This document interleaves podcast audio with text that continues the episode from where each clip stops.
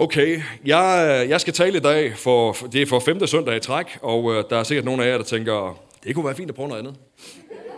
Og det skal I få lov til i næste uge, og så flere uger frem, kan jeg love jer. Så skal I få lov til at høre nogle andre stemmer her, og det bliver også rigtig godt. Jeg tror nu også, at de her uger har været gode, og øh, det tænker jeg også, at i dag kommer til at blive. Og jeg skal øh, slutte den her sådan Vision 23, 2023 uh, serie, kan man jo godt kalde det, af her i dag med visionsområde nummer 4. Og øh, inden jeg gør det, jeg har bare lyst til at komme med en lille, jeg ved ikke om det er en korrektion, men bare sådan en lille tydeliggørelse i forhold til noget af det, jeg sagde sidste uge. Jeg har fået mange henvendelser på baggrund af min prædiken i sidste uge. Det er jo fedt, at man kan skubbe til noget, der gør, at der bliver noget at snakke om bagefter. Det synes jeg faktisk er helt udmærket. Og jeg talte omkring passende lovprisning i sidste uge, og øh, det jeg måske godt kunne have gjort, som jeg ikke gjorde, det kan jeg i hvert fald godt se, at jeg kunne have gjort, som jeg ikke gjorde, var at tydeliggøre, at der findes forskellige typer af lovsang og lovprisning al lovprisning er, når vi har sange, og det er ikke ens det hele. Det kan nogle forskellige ting, og det sagde jeg ikke i sidste uge. Og derfor så bred, talte jeg med en meget bred pensel, som jeg godt kan forstå, måske kan gøre, at nogen kunne gå hjem og sige, hey, vil det sige, der findes kun en eneste måde at gøre det der på. Det gør der ikke, man bare sige det. Og så har jeg lyst til, at det skal vi snakke mere om senere på året, finde en måneds tid. Måske tale om nogle af de forskellige måder, man kan lovsynge på. Men øh, så bare lige fald til ro, hvis du øh, var en af dem, der slutter lidt på det. Det kan jeg sådan set godt forstå, du gjorde. Uh, det var det. Den næste, vi skal tale om her i dag, er så nummer 4. Fysiske faciliteter. Fantastisk titel, ikke? Det er den ringeste prædikentitel, man overhovedet kan forestille sig, hvis man skulle tale om det, ikke? Så det kommer vi heller ikke til. Men det er det, der er, og det omhandler her i dag. Vi har jo de her visionsområder. Den første var, ja, det første er, øhm, nu står jeg jo her, fordi jeg har sagt så meget, jeg står helt og glemmer det. Det dur jo ikke. Smågrupper. Det var den første, vi talte omkring. Vi har en vision for smågrupper. Det talte vi om. Hvis ikke du har hørt om det, så gå ind og find det på vores YouTube eller på vores podcast og hør det der. Det næste, vi talte om, var Gud i generationerne. Musik og lovsang var så i sidste uge. Passende lovprisning kaldte jeg prædiken. Og her i dag er det så det område, der hedder vores fysiske faciliteter, fordi vi her i år har samlet ind til øh, at kunne give vores bygning et ansigtsløft, som vi har kaldt det. Og jeg kunne godt tænke mig at dele med jer, hvor meget der faktisk er kommet ind, for det er faktisk en god historie. Hvor meget der er kommet ind i den kollektor. Jeg tror, den kommer her, Henrik. Kan det ikke passe? Der er nemlig kommet 67.636 kroner ind. Ja, giv, giv lige jer selv en kæmpe hånd. Jeg synes oprigtigt, at det er flot. Så tak for alle, som har bidraget. Jeg ved ikke, hvem I er.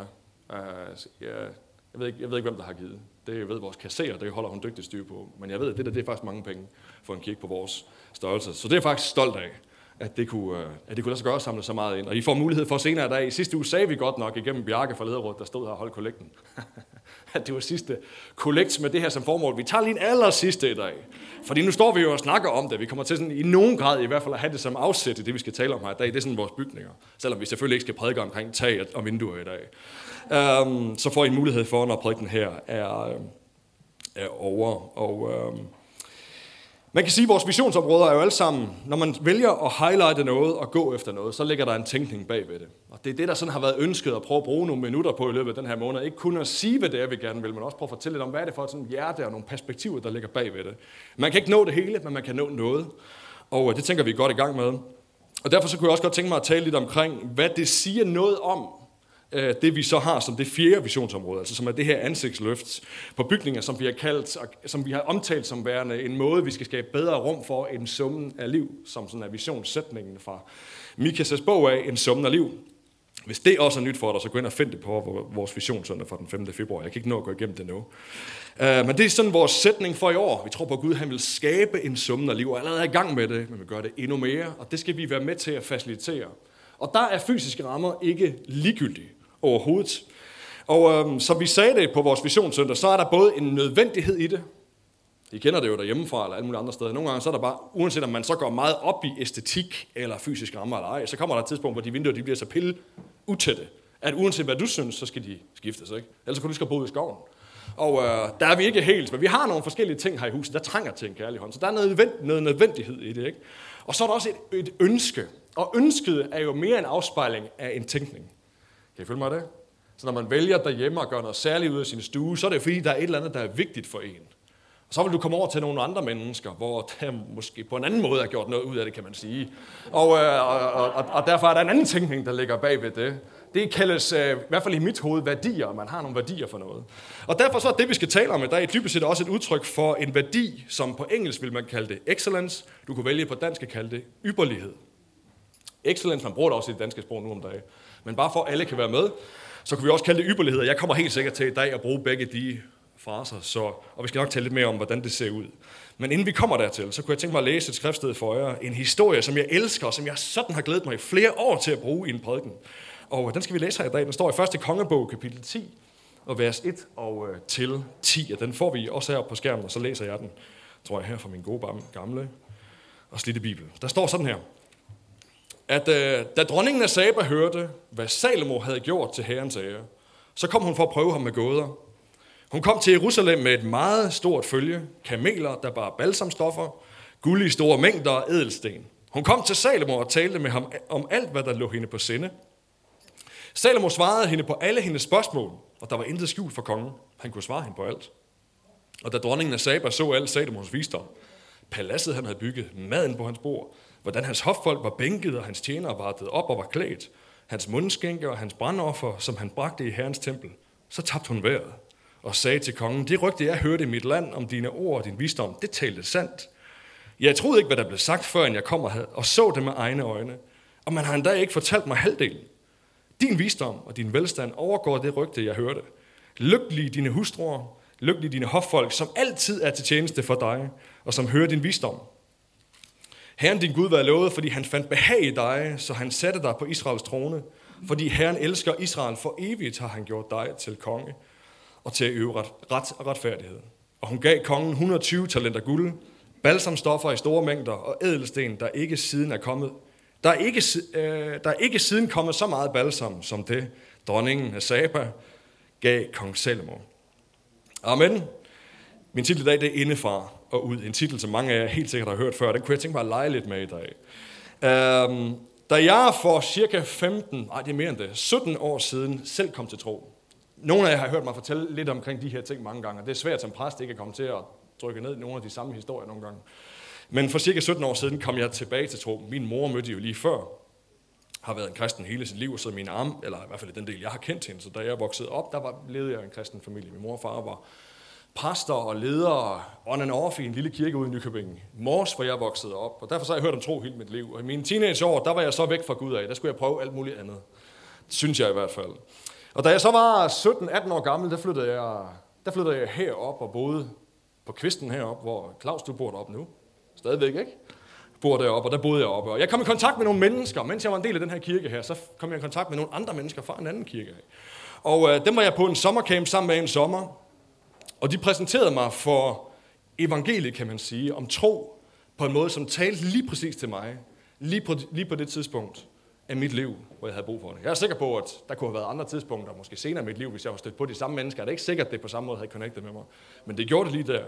Og det talte lige ind i mit liv. Jeg kan huske, at jeg blev betaget af den her kirke, den her bevægelse, som var sådan en missionsorganisation, der var på vej til at blive en kirke. Jeg gider ikke bruge en masse tid på at forklare, hvad det er, for så skal jeg til at bruge alt for meget tid på det. Det var bare en kirke af nogle mennesker, som troede på, troede på Jesus. De kom over fra Sjælland af, og de var, jeg vil sige det sådan, at senere tilbage derpå, så havde de en ekstrem passion og kærlighed til Jesus.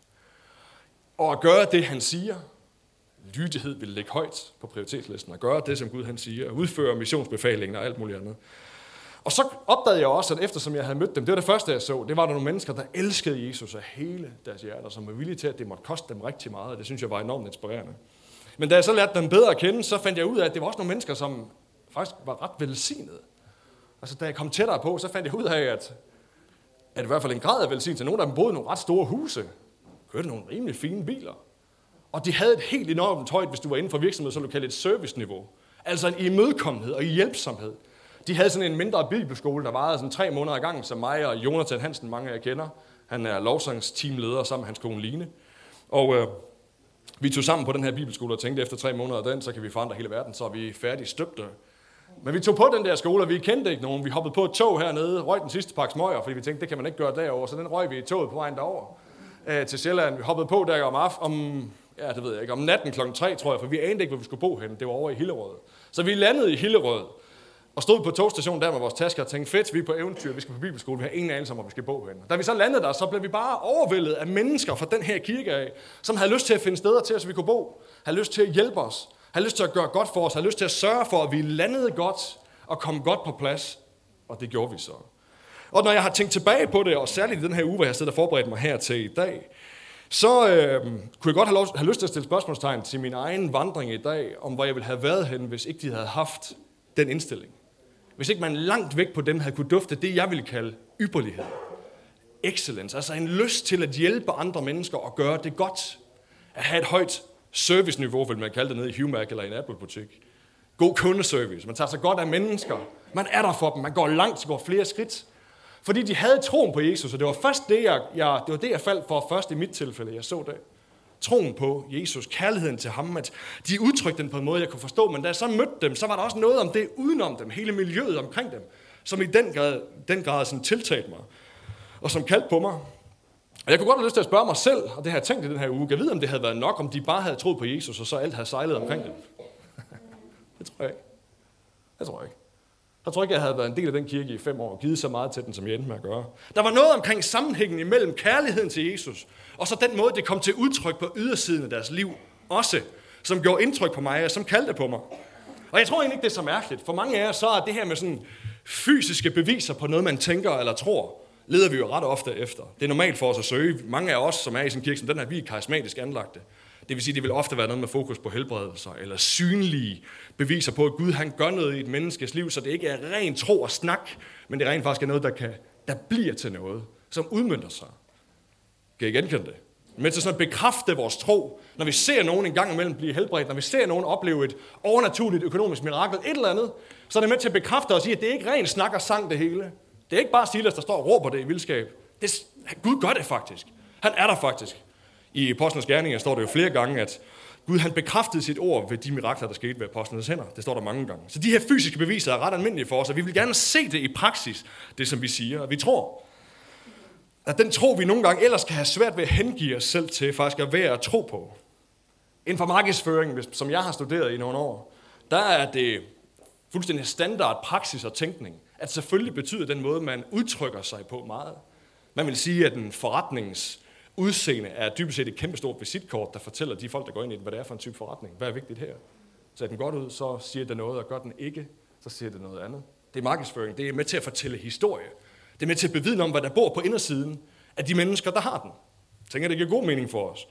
Og netop at det, det, at det ydre, det som udmyndter sig, og det som kommer til ydre udtryk, afspejler noget af det, der faktisk foregår på indersiden, er jo netop det, som dronningen af Saba i den historie, vi lige læste. Hun, hun oplever noget af det, vi kan læse om i den historie. Vi får jo ret hurtigt at vide, at hun var dronning. Når man læser op på hende, så finder man ud af, at man mener, de fleste mener i hvert fald, at hun enten var fra Yemen i det sydlige Arabien, eller fra Etiopien, men man ved det ikke. Og hendes rige, det rige, hun, hun, øh, hun var dronning for, var kendt for rigdom på guld, krydderier og ædle træsorter. Hun var stinkende rig. Dronning med kæmpe dag.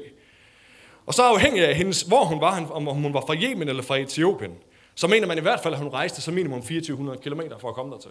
Det var uden tog. Det var uden fly. Det var med kameler på slæb. 2400 km, det er immer væk langt. Jeg ved ikke, hvor langt der er til Italien herfra. 1800 eller sådan noget den stil. Der er langt 2400 km.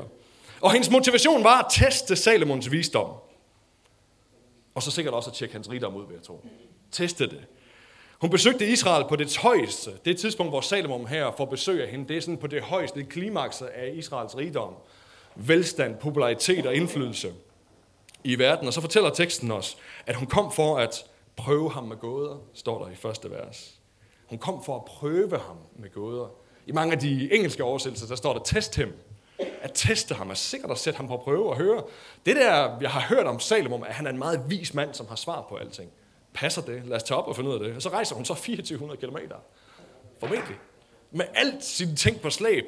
Jeg gætter på, at man tog det på slæb, fordi man gerne vil vise ham kongen, man kommer op til, at man faktisk er en, man burde invitere indenfor. Så hun tog alle sine ædelstoffer, sine kameler, noget af alt det der repræsentation af, hvem hun var, det tog hun med. Jeg ved ikke, om der er nogen her, der har set Aladdin. Kan I huske, at Aladdin han bliver lavet om til en prins? Og han kommer igennem byen. Prins Ali, mægtig og rig, Ali Ababa.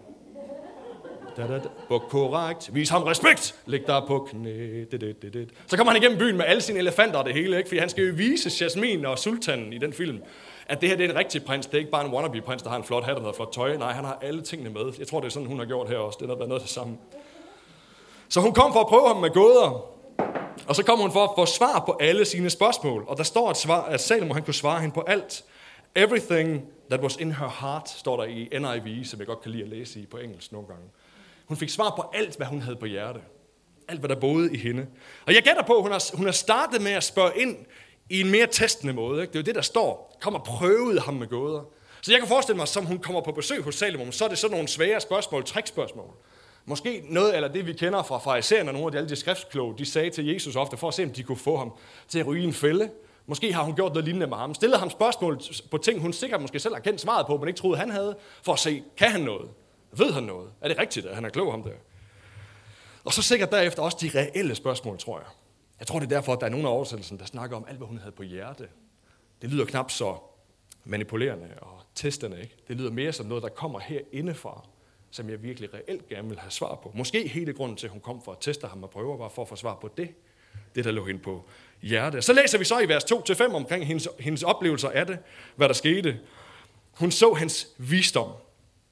Der står, at hun lovpriser ham dybest set for hans visdom. Og bagefter paladset, han havde bygget. Maden på hans bord. Hvordan hans hoffolk var bænket. Hvordan hans tjenere vartede op og var klædt. Og hans mundskænke og hans brandoffer. Karakteren af hans mundskænke og det brandoffer, han gav. Og så står der som opsummerende af hendes, af hendes reaktion på, at hun har set alt det på dansk, at hun tabte vejret. She lost her breath. I nogle andre af de lidt mere ældre oversættelser på engelsk, der står der, there was no more spirit in her bagefter. She was overcome by et eller andet i en anden oversættelse, jeg lige sad og læste i her for morgenen af. Hvad var det, der fik hende til at tabe vejret, som hun var på besøg der? Det var hans visdom og miljøet omkring ham. Det var hans visdom og hans evne til at svare på alt, hvad der lå hende på hjerte. At vide ting, som han sikkert ikke havde burde kunne svare på, ikke havde burde vide. Men også det miljø, som var omkring ham. Det er meget fysiske, helt meget, meget, meget konkrete miljø, som foregik lige omkring ham, virkede til sammen til, at hun tabte vejret. Og visdommen var, hvis du kender historien omkring Salomon, så du ved, at det var hans sådan særlige egenskab. Det var i hvert fald noget af det, han var meget, han var meget kendt for. Det havde han bedt Gud om helt fra start af, da han tog over efter sin far, kong David, og Salomon var meget ung, står der. Og der er flere gange i Bibelen, hvor vi får beskrevet, hvordan han selv så på den opgave, han nu havde fået i at skulle være konge for Israel. Og så havde han anerkendt og set, det er en stor opgave det her. Der er godt nok mange mennesker, Gud. Jeg har brug for din visdom til at kunne gøre det her. Jeg har brug for din visdom til at kunne se forskel på godt og på ondt. På at kunne tage de rigtige beslutninger for det folk og den opgave, du har givet mig at gøre. Og hvad lovede Gud ham så bagefter? Måske kender du også den historie. At efter han havde bedt Gud om at sige, hey, den her opgave er svær. Jeg ved ikke i mig selv, hvordan jeg skal løfte den. Jeg har brug for din visdom. Så siger Gud til ham, at fordi du ikke bad om rigdom, så vil jeg give dig visdom, og så vil jeg give dig, så vil jeg give dig en visdom, der er større end nogen har haft før, men jeg vil samtidig også give dig rigdom, som er større end verden nogensinde har set, og nogensinde skal komme til at se. Hvad er det et udtryk for? Jeg tror, det er et udtryk for et skriftsted, mange af os rigtig godt kan lide. Matthæus 6, 33. Søg først Guds rige og hans retfærdighed, så skal alt andet gives jer i tilgift. Kan I se det? Det minder enormt meget om, ikke? Det er nogle andre ord, han bruger. Han søger visdom, men det er jo Guds hjerte, han søger. Det er Guds sådan perspektiv og hjælp til at gøre det, som han har bedt ham om at gøre. Det er det, han søger hjælp til. Han bruger ordet visdom. Det er sikkert det, der har været behov for. Visdom. Og så får han alt det andet i tilgift. Salomo, han har søgt Gud først. Og hvad gjorde det så? Ja, det manifesterede sig i det fysiske miljø omkring ham. Det var indenfor og ud. Det var hans hjerte først. Det var det, han søgte først. Og så skete der noget med omgivelserne omkring ham. Jeg sad nede i Herning første gang den her historie. Jeg ved ikke, om det var første gang, jeg læste det. Det var det, det, var det ikke. Men første gang, den talte til mig, der boede vi i Herning i et halvt års tid i 2019. Jeg kan huske, hvis vi havde købt sådan, i forbindelse med mit studie, skulle jeg i praktik dernede. Og så fik vi en god mulighed for at købe et hus billigt og lave en god deal på det, tjene nogle penge på den. Og det var sådan en helt ny villa-rækkehus, meget, sådan meget moderne hus. Og jeg sad og kiggede rundt i det, som jeg læste den her, og tænkte, tænk, hvis man kunne lykkes med, at det rige Gud har givet mig på indersiden, på alle områder i livet, kunne afspejle hans storhed. Så ja, miraklerne, forvandlingen af menneskers sind, alt det der, som jeg er enig i, er, fuld, er det fuldstændig væsentlige. Men også alt det udenom. Tænk, hvis mit hjem, det var det, jeg sad og kiggede på, jeg sad og kiggede rundt på det der fine hus, det er det pæneste, jeg nogensinde har boet i, og det er også pænere end det, jeg bor i i dag. Så jeg kiggede på det og tænkte, tænk, hvis sådan et hjem som det her, det kunne afspejle, hvem Gud han er. Jeg ved, om det kunne det. Jeg ved, om mit hjem kunne det mine mursten, min sofa, måden det står på, fornemmelsen, når man går ind ad døren, duften i huset. Måden vi taler til hinanden på.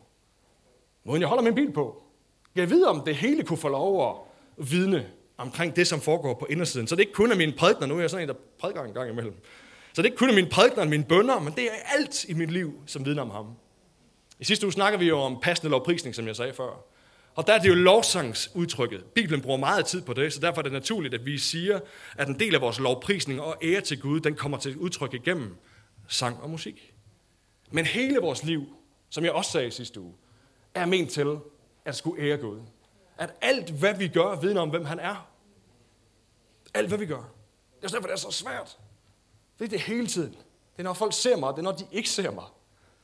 Det er, når det er bare mig, der skal køre bilen i flere uger i træk. Jeg har bare lyst til, at der skal ligge røde bananskralder og juicebrækker og sådan noget i det hele. Og det er også, når jeg skal have gæster på besøg i den, og gerne vil få den til at shine. Det er hele tiden. Gud, han ser det hele tiden.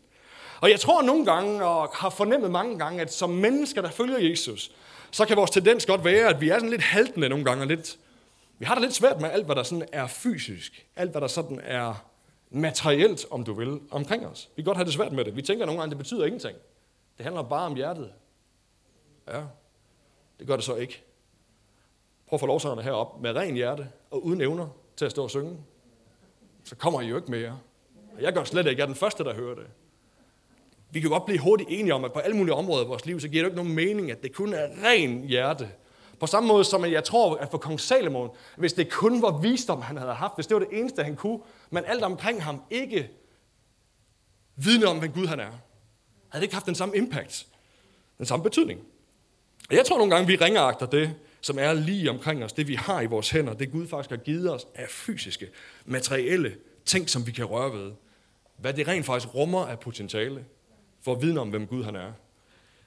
I den verden, vi er en del af. Jeg tror, vi kan være bange for det nogle gange. Og også med nogenlunde god grund, fordi Bibelen jo advarer os til ikke at have kærlighed, for eksempel til mammon til penge. Men der står ikke, at penge er det, som er problemet. Der står, at kærligheden til pengene er problemet. Og man, du får svært ved at lave argumentet om, at Gud per, per definition har noget imod rigdom, når vi lige har læst den historie, vi har. Og når hver eneste gang igennem Bibelens historie, han møder et menneske, så følger der i hvert fald, ikke hver eneste gang, men ofte, følger der en eller anden grad af materiel velsignelse med. Når han gør det. Fordi vores liv er skabt til at ære Gud og vise, hvem han er.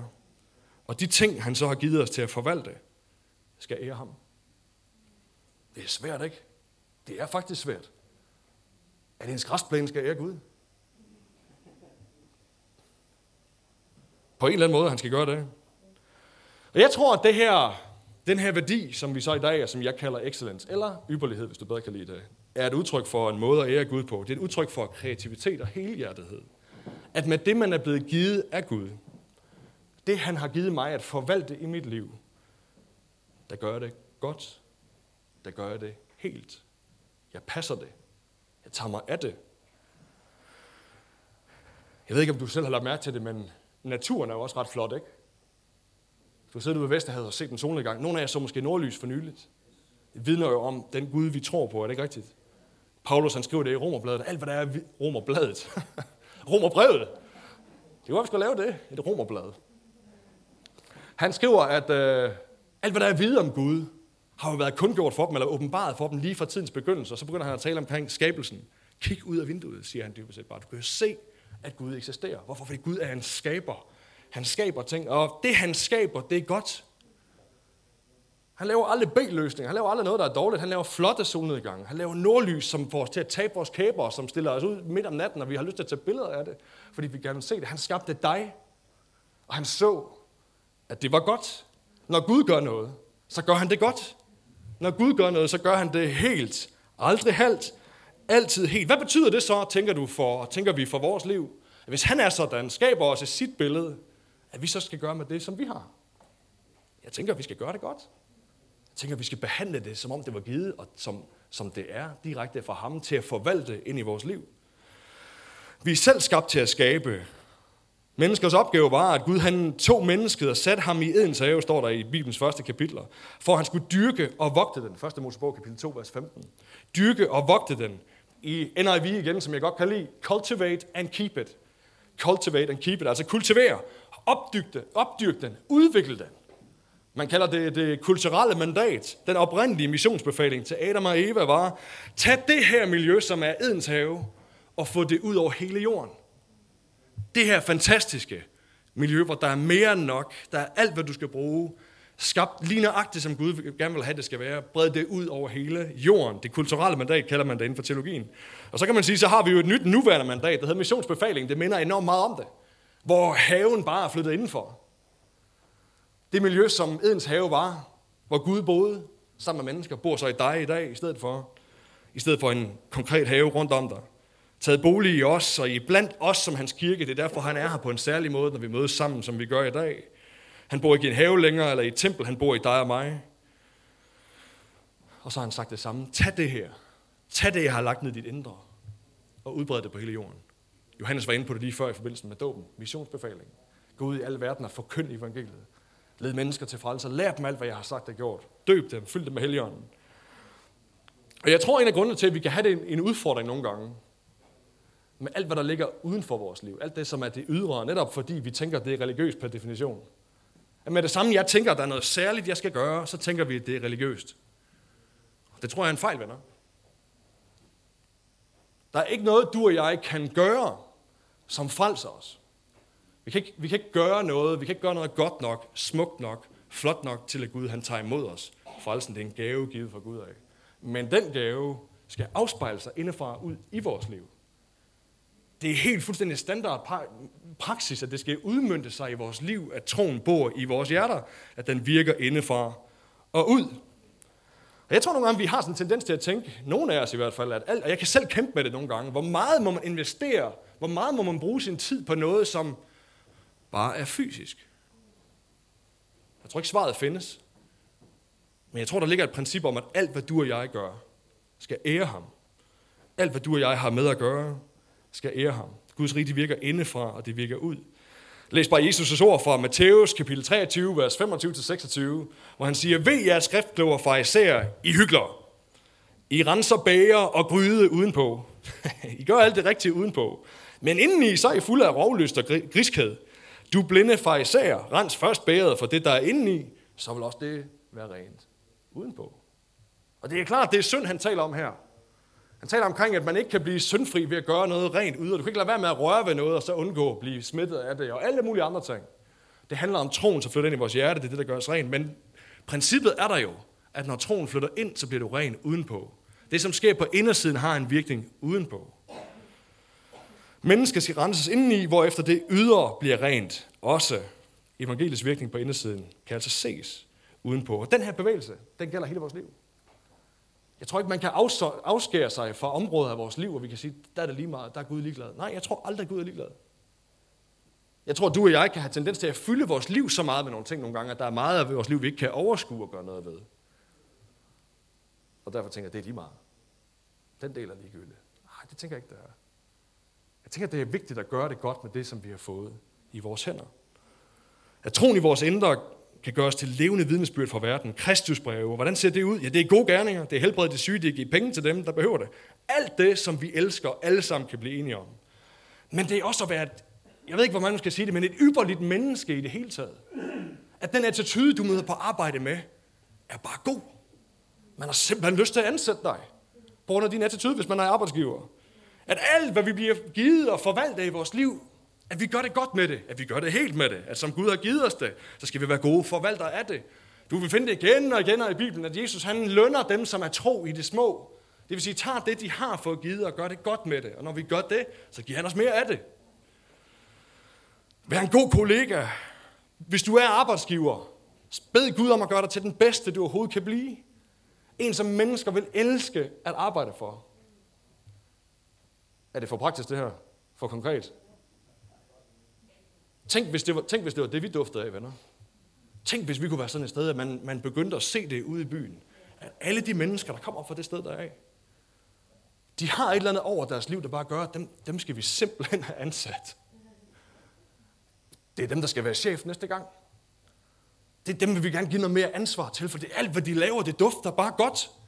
Alt, hvad de gør, måden de kommer ind ad døren på, smilet de bringer på, på, på kinderne af os alle sammen om morgenen, når de møder ind mandag, det er bare noget andet.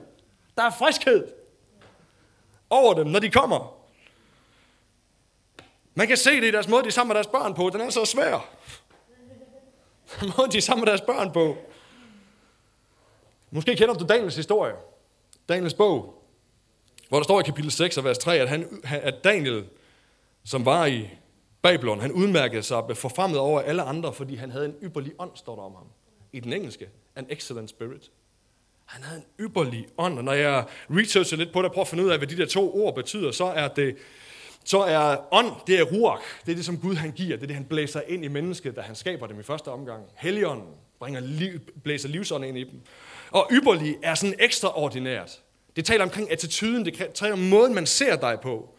Dybest set lidt det, vi taler om her i dag. Sikkert også det, som jeg tror, kong Salomon har oplevet. At han beder Gud om at gøre noget ved hans indre. Giv mig visdom til den opgave, du har givet mig. Og så sker alt det andet, som frugter af. Så får han en ypperlig attitude. En ypperlig måde at skabe miljø omkring sig på, hvor folk elskede at være. Jeg synes, den historie er så vanvittigt inspirerende. Hun, siger, hun slutter af med at sige, lykkelig dine hustruer. Der var der mange af Jeg ved ikke, hvor mange af jer, der har lyst til det. Lykkelig dem og dine hoffolk, som giver dig mad.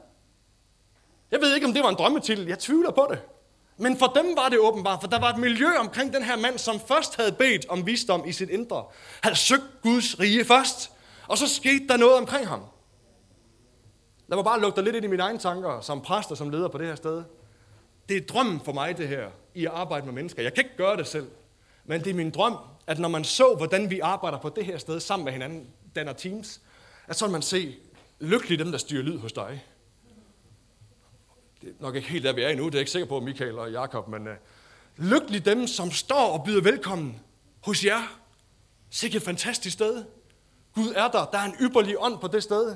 Lykkelig de mennesker, der hver eneste uge er med i en smågruppe her og ældre ordet sammen med hinanden og beder for hinanden, og som så går ud af den bedste udgave af dem selv overhovedet på deres arbejdsplads bagefter, eller på deres skole.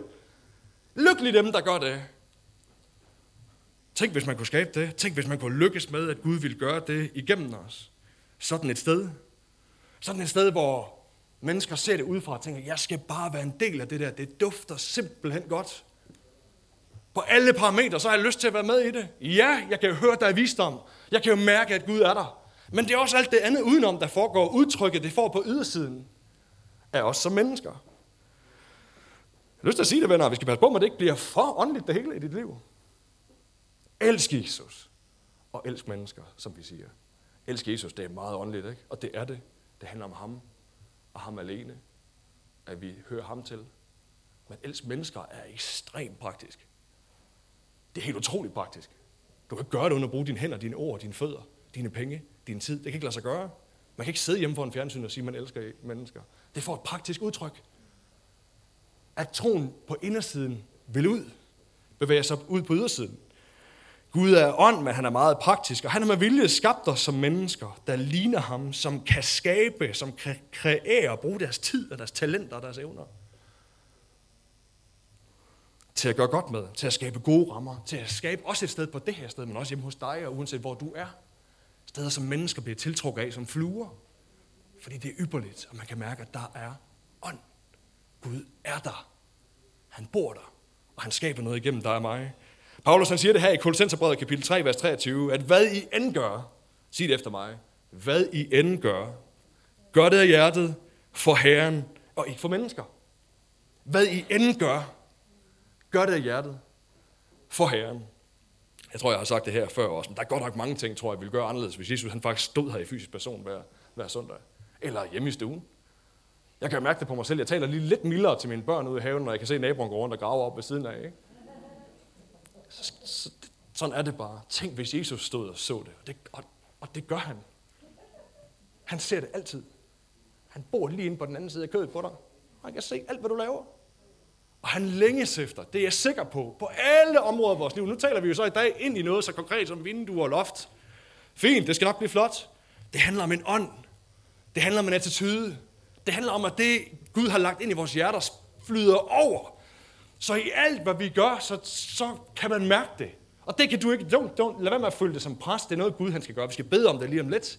At han vil lægge det ned i vores hjerter. Jeg er sikker på, at det var det, Daniel havde oplevet. Vi ved jo, at det var det, kong Salomon havde oplevet. Det startede med et hjertes indstilling. En bøn til Gud om. Please hjælp mig.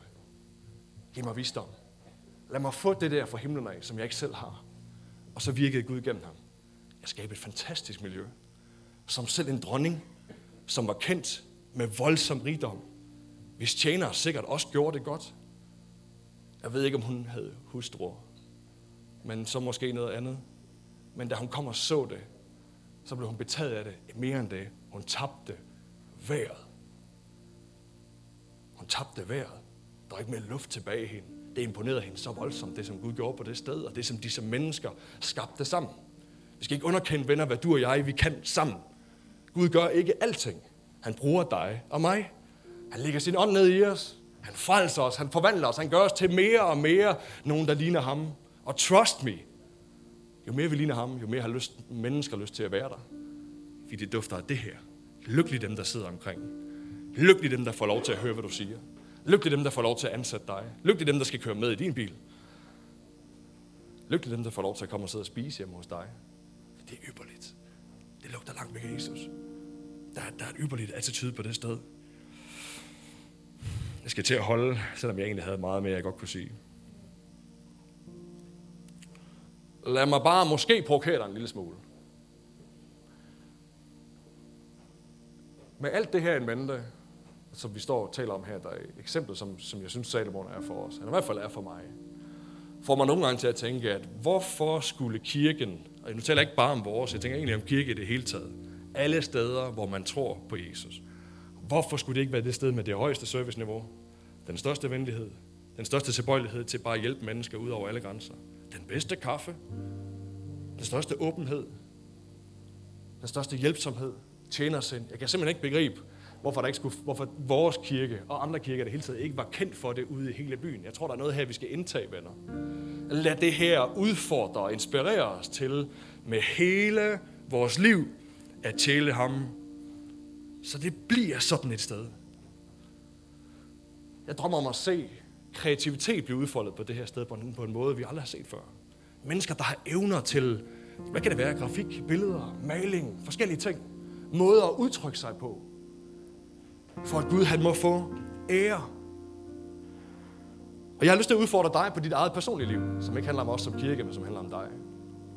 Har du for travlt til at være ypperlig? Det er mit store problem i livet. At nogle gange, når jeg fylder min kalender for meget, eller jeg fylder for meget i, så begynder jeg at gøre de ting, jeg gør dårligt. Så brænder jeg mennesker af, kommer for sent. Holder ikke mine aftaler, aflyser dem. Jeg er træls over for mine børn. Jeg er aldrig mere træls over for dem, end når jeg har travlt. Ypperligheden ryger lige ud af ægteskabet, når der er for travlt. Jeg har lyst til at spørge dig i dag, bruger du din tid på de rigtige ting? Er der overhovedet plads til, at de ting, du så gør, de kan være ypperlige, de kan lugte af, hvem han er, dufte af bedre ord, af hvem han er. At man får lyst til at være mere sammen med dig på grund af det, du gør. Er der plads til det? Jeg tror, det er en af de store udfordringer i den tid, vi lever i 2023, hvor tilbøjeligheden til at fylde vores liv er så stor, som den er. Og der er det vigtigt at spørge sig selv jævnligt, fylder jeg mit liv med det rigtige? Men også set med det perspektiv, at nogle gange, når vi fylder det for meget, så bliver vi dårlige vidensbyrd.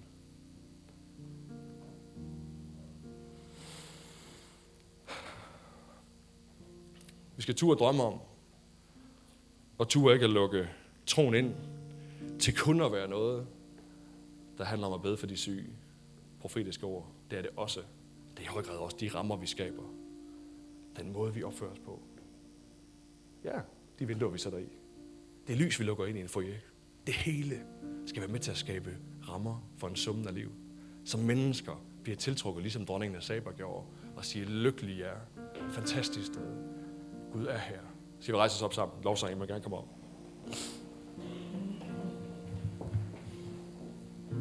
Luk dine øjne sammen med mig. Og så vil jeg bede om, at den her ypperlige ånd, som var over Daniel og var i Daniel, må være i os, må være i dig og i mig. Så Gud, det takker og priser dig for. Tak, Jesus, at du har skabt os til med alt, hvad vi er. Hele vores liv 360 grader rundt er skabt til at give ære til dig. Vores attityder, vores, vores måde at tale med andre mennesker på, vores hjælpsomhed, mangel på samme. Og ja, måden vi beder vores bønder på, vores morgenlæsning med Bibelen og alt det andet, det hele, hele pakken, Jesus. er skabt til og ment til, at det skal give dig ære. Og det vil jeg bede dig om, Jesus, for du deponerer i os, også som fællesskab, en ypperlig ånd. At være mennesker, som altid går længere, end vi behøver. I vores hjælpsomhed, i vores tjenersind, i vores giversind over for hinanden, generositet over for hinanden. Det beder dig om, Jesus. Tak for, at vi må være nogen, som dufter godt ud i hele byen og hele nabolaget. I alt, hvad vi laver, når vi går på arbejde, når vi kommer hjem, i det hele Jesus. I vores måde at møde mennesker nede i supermarkedet på. Må det være ypperligt. Må det være godt. Må det dufte af mennesker, som tager det liv, vi er blevet givet af dig, seriøst. Hver eneste gave og forvalter det. Det beder dig om. I Jesu Kristi navn. Men også på det her sted. Giv os noget til, Jesus. Konkret på det her sted. Med de bygninger, du har givet os.